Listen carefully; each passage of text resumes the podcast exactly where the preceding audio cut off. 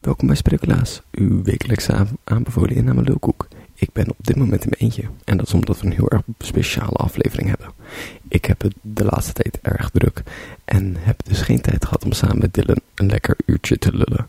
We hebben wel aan de aan aflopen van de vorige aflevering, Eenhoornbloed, hebben we wel een speciaal iets opgenomen. Dus bij deze, in plaats van uw verwachte inname lulkoek, hebben we een heel erg rare, een, een, unieke vorm van lulkoek. We hopen dat het leuk is. Zo niet.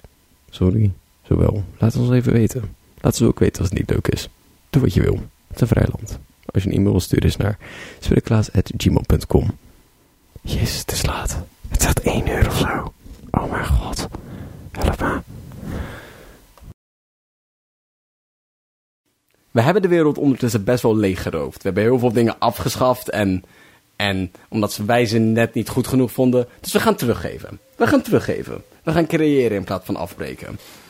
En wat we nu gaan creëren is in de categorie homopathie. Homopathie. Homopathie. Ehm, en dat zijn, zeg maar, dus, dat zijn dus medicijnen die niet echt medicijnen zijn. Maar die kun je dus helemaal zelf bedenken, want niemand die er een kut om geeft. Dus, Dylan, Ja. ik ga jou een ziekte geven. Oeh. En jij gaat mij bedenken, eh, jij gaat bedenken hoe je daar een homeopathische oplossing voor maakt. Ehm, ja, bij mij groeit de haar op mijn eikel en daar wil ik graag vanaf. Eh Ik denk dat is wat leuks voor Bart. wanneer is dit voor het eerst ontstaan? Ik heb dit al zo lang als ik kan herinneren. Oké, wanneer is het gaan groeien?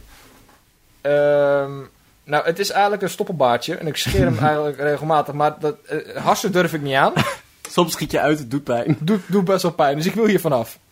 Ik Eh. heb dit al, ja, weet je, het moment dat je de puberteit ingaat, begint overal een beetje haar te groeien. Deze kan wel iets later dan de rest, maar ja, het zijn nu wel van die grote dikke haren, zeg maar. het is niet meer van dat babypluis. Ze, worden, ze groeien ook steeds dikker terug. Ja, ja, ja. Ze hebben nu een doorsnee van 3 mm en ik vind het niet meer tof. Het wordt verontrustend. Wordt verontrustend. Maar niemand wil ook meer met je naar bed. Nee. Dat is raar geworden. Ehm, Oké, dit is dus duidelijk gelinkt aan de puberteit. Ja. En hetgene wat je dan doet is... ehm, je zegt tegen jouw lichaam dat je nieuwe puberteit verdient. Dus dat betekent dat je volledig terug in de situatie gaat van wat je puberteit oproepte.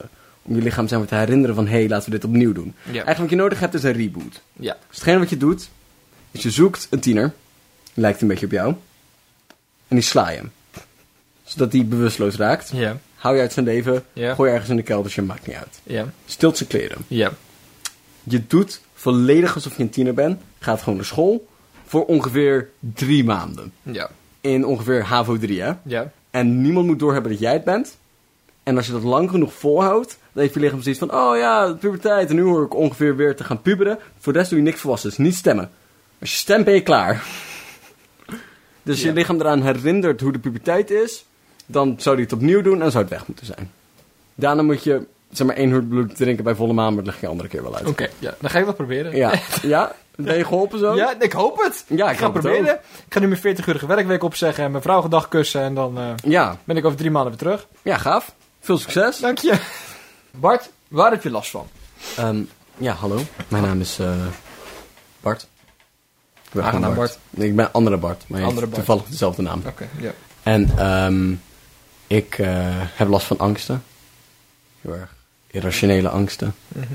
Voornamelijk te doen eh, ja, ja, met de religieuze leider, de paus. Ehm, ja, er zijn een paar... Het, he- uit deze angst zich naar alle pauzen of specifiek Franciscus? Deze, deze pauze. Gewoon alle paus. Alle pauze, een Alle. algemeen pauze. Gewoon paus. Alle. Nee, dat is wel even belangrijk dat we dat even opschrijven. Dat paus. Alles. Alles paus. Al, alles paus. Alles paus.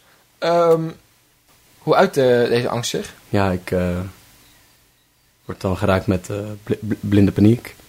Een beetje angst, zweten, schreeuwen, rennen, die volgorde. Ehm angstscheetjes, Angst, scheetjes en poepjes of alleen scheetjes? alleen scheetjes. Alleen scheetjes. Kan ook, kan ook niet gerelateerd. Ik heb, ik heb best vaak last van, Ja, we- wellicht gerelateerd. van, van diarree. Ja, oké. Ehm, nee, hoe, hoe, hoe lang speelt het eh, al? Ik eh, heb er ongeveer last van sinds mijn, eh, sinds mijn zesde. Ja. Sinds mijn zesde. Oké. Ehm, eh, be- beschrijf die dag eens. Wanneer, wanneer begon dit? Nou ja, eh, we waren we waren Joods. Ja. We zijn nog steeds Joods. Ik ben, ik ben nog steeds Joods. En we waren bij mijn oma thuis. Die is katholiek. Dat is best raar. Maar het is wel gewoon zo, zeg maar. in een rare wereld, ja. En, eh, en er was zo'n groot kruis boven de deur. Ehm, ondertussen stond de tv aan. En het was net het nieuws. En eh, ja, het een van het een kwam het ander. En zoals dat gebeurt, viel er een, eh, viel dat kruis van de deur op mijn hoofd. Dat is eigenlijk best, best grappig als Joods kind. En eh, toen werd ik wakker. En het allereerste wat ik zag was het feit dat er een nieuwe paus was gekozen. Keek ik recht in eh, zijn bakkes. Ja, in zijn hoofd. Ja, ja. ja, nee, dat is duidelijk.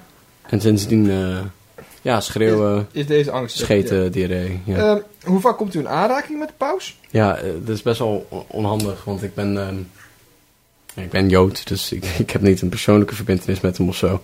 Maar ik ben wel verslaglegger in, eh, in het Vaticaan. Oké.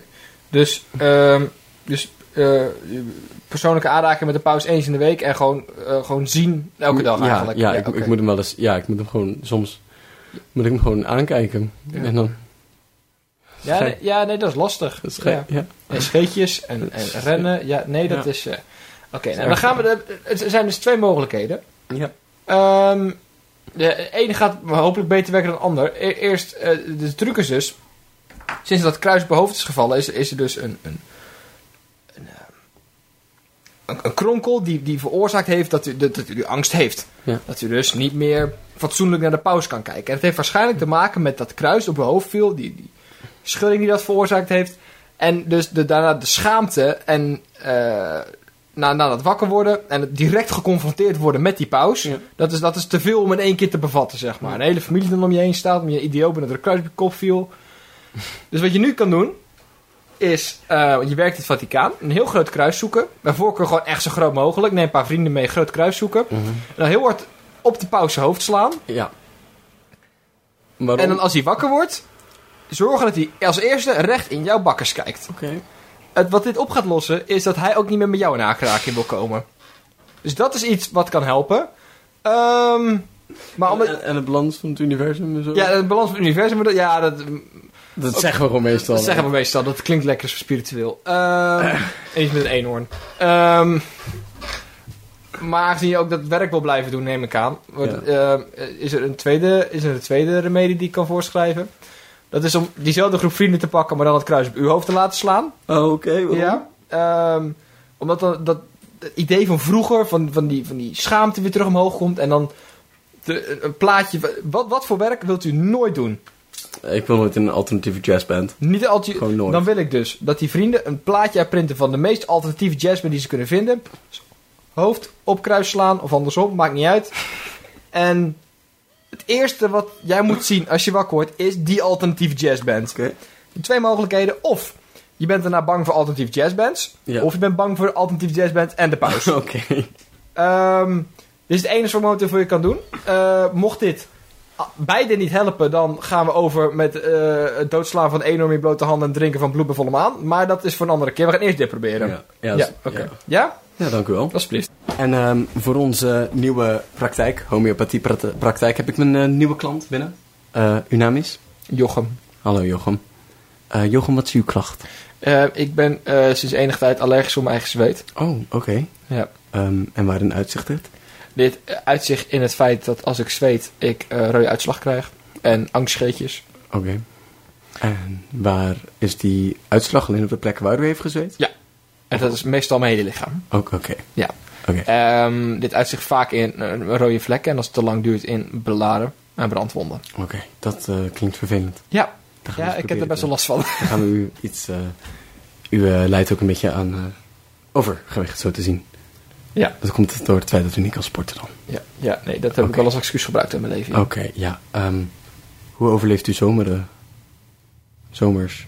Meervoud van zomer. Zomer, ik heb een hele grote koelkast.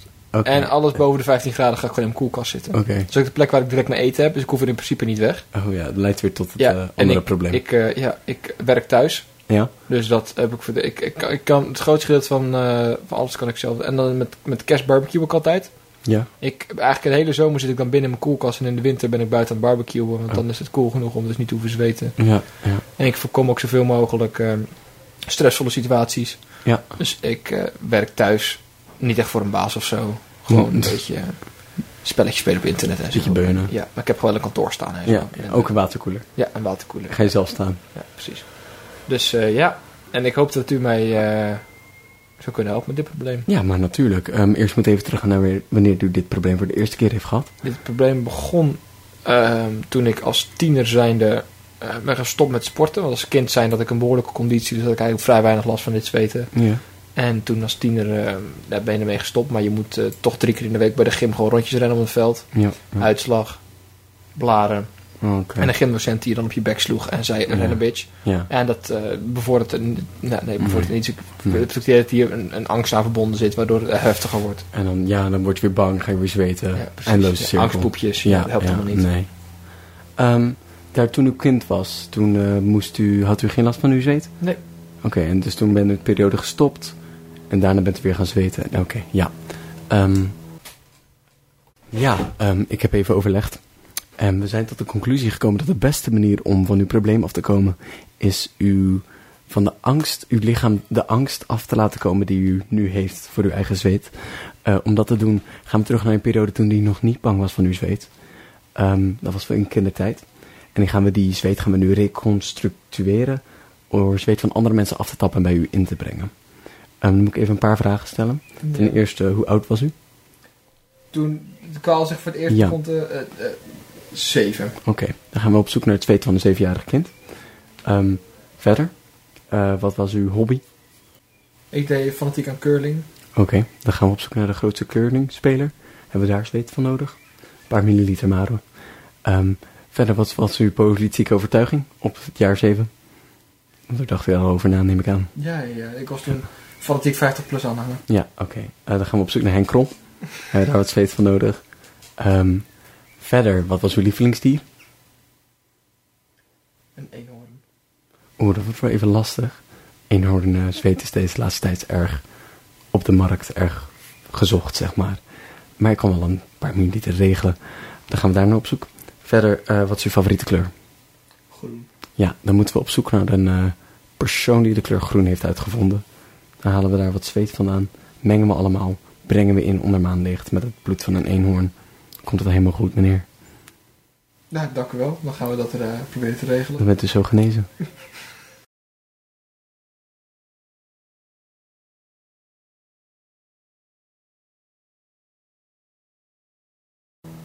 Ja, dan zal ik even kijken of ik iets voor u kan bedenken.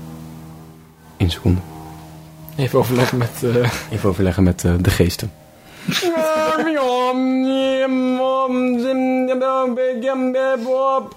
Ja, ik hoor net dat u gewoon een kleine bitch bent. dat je gewoon beter je best moet doen. Oké, dank u wel. You fat fuck.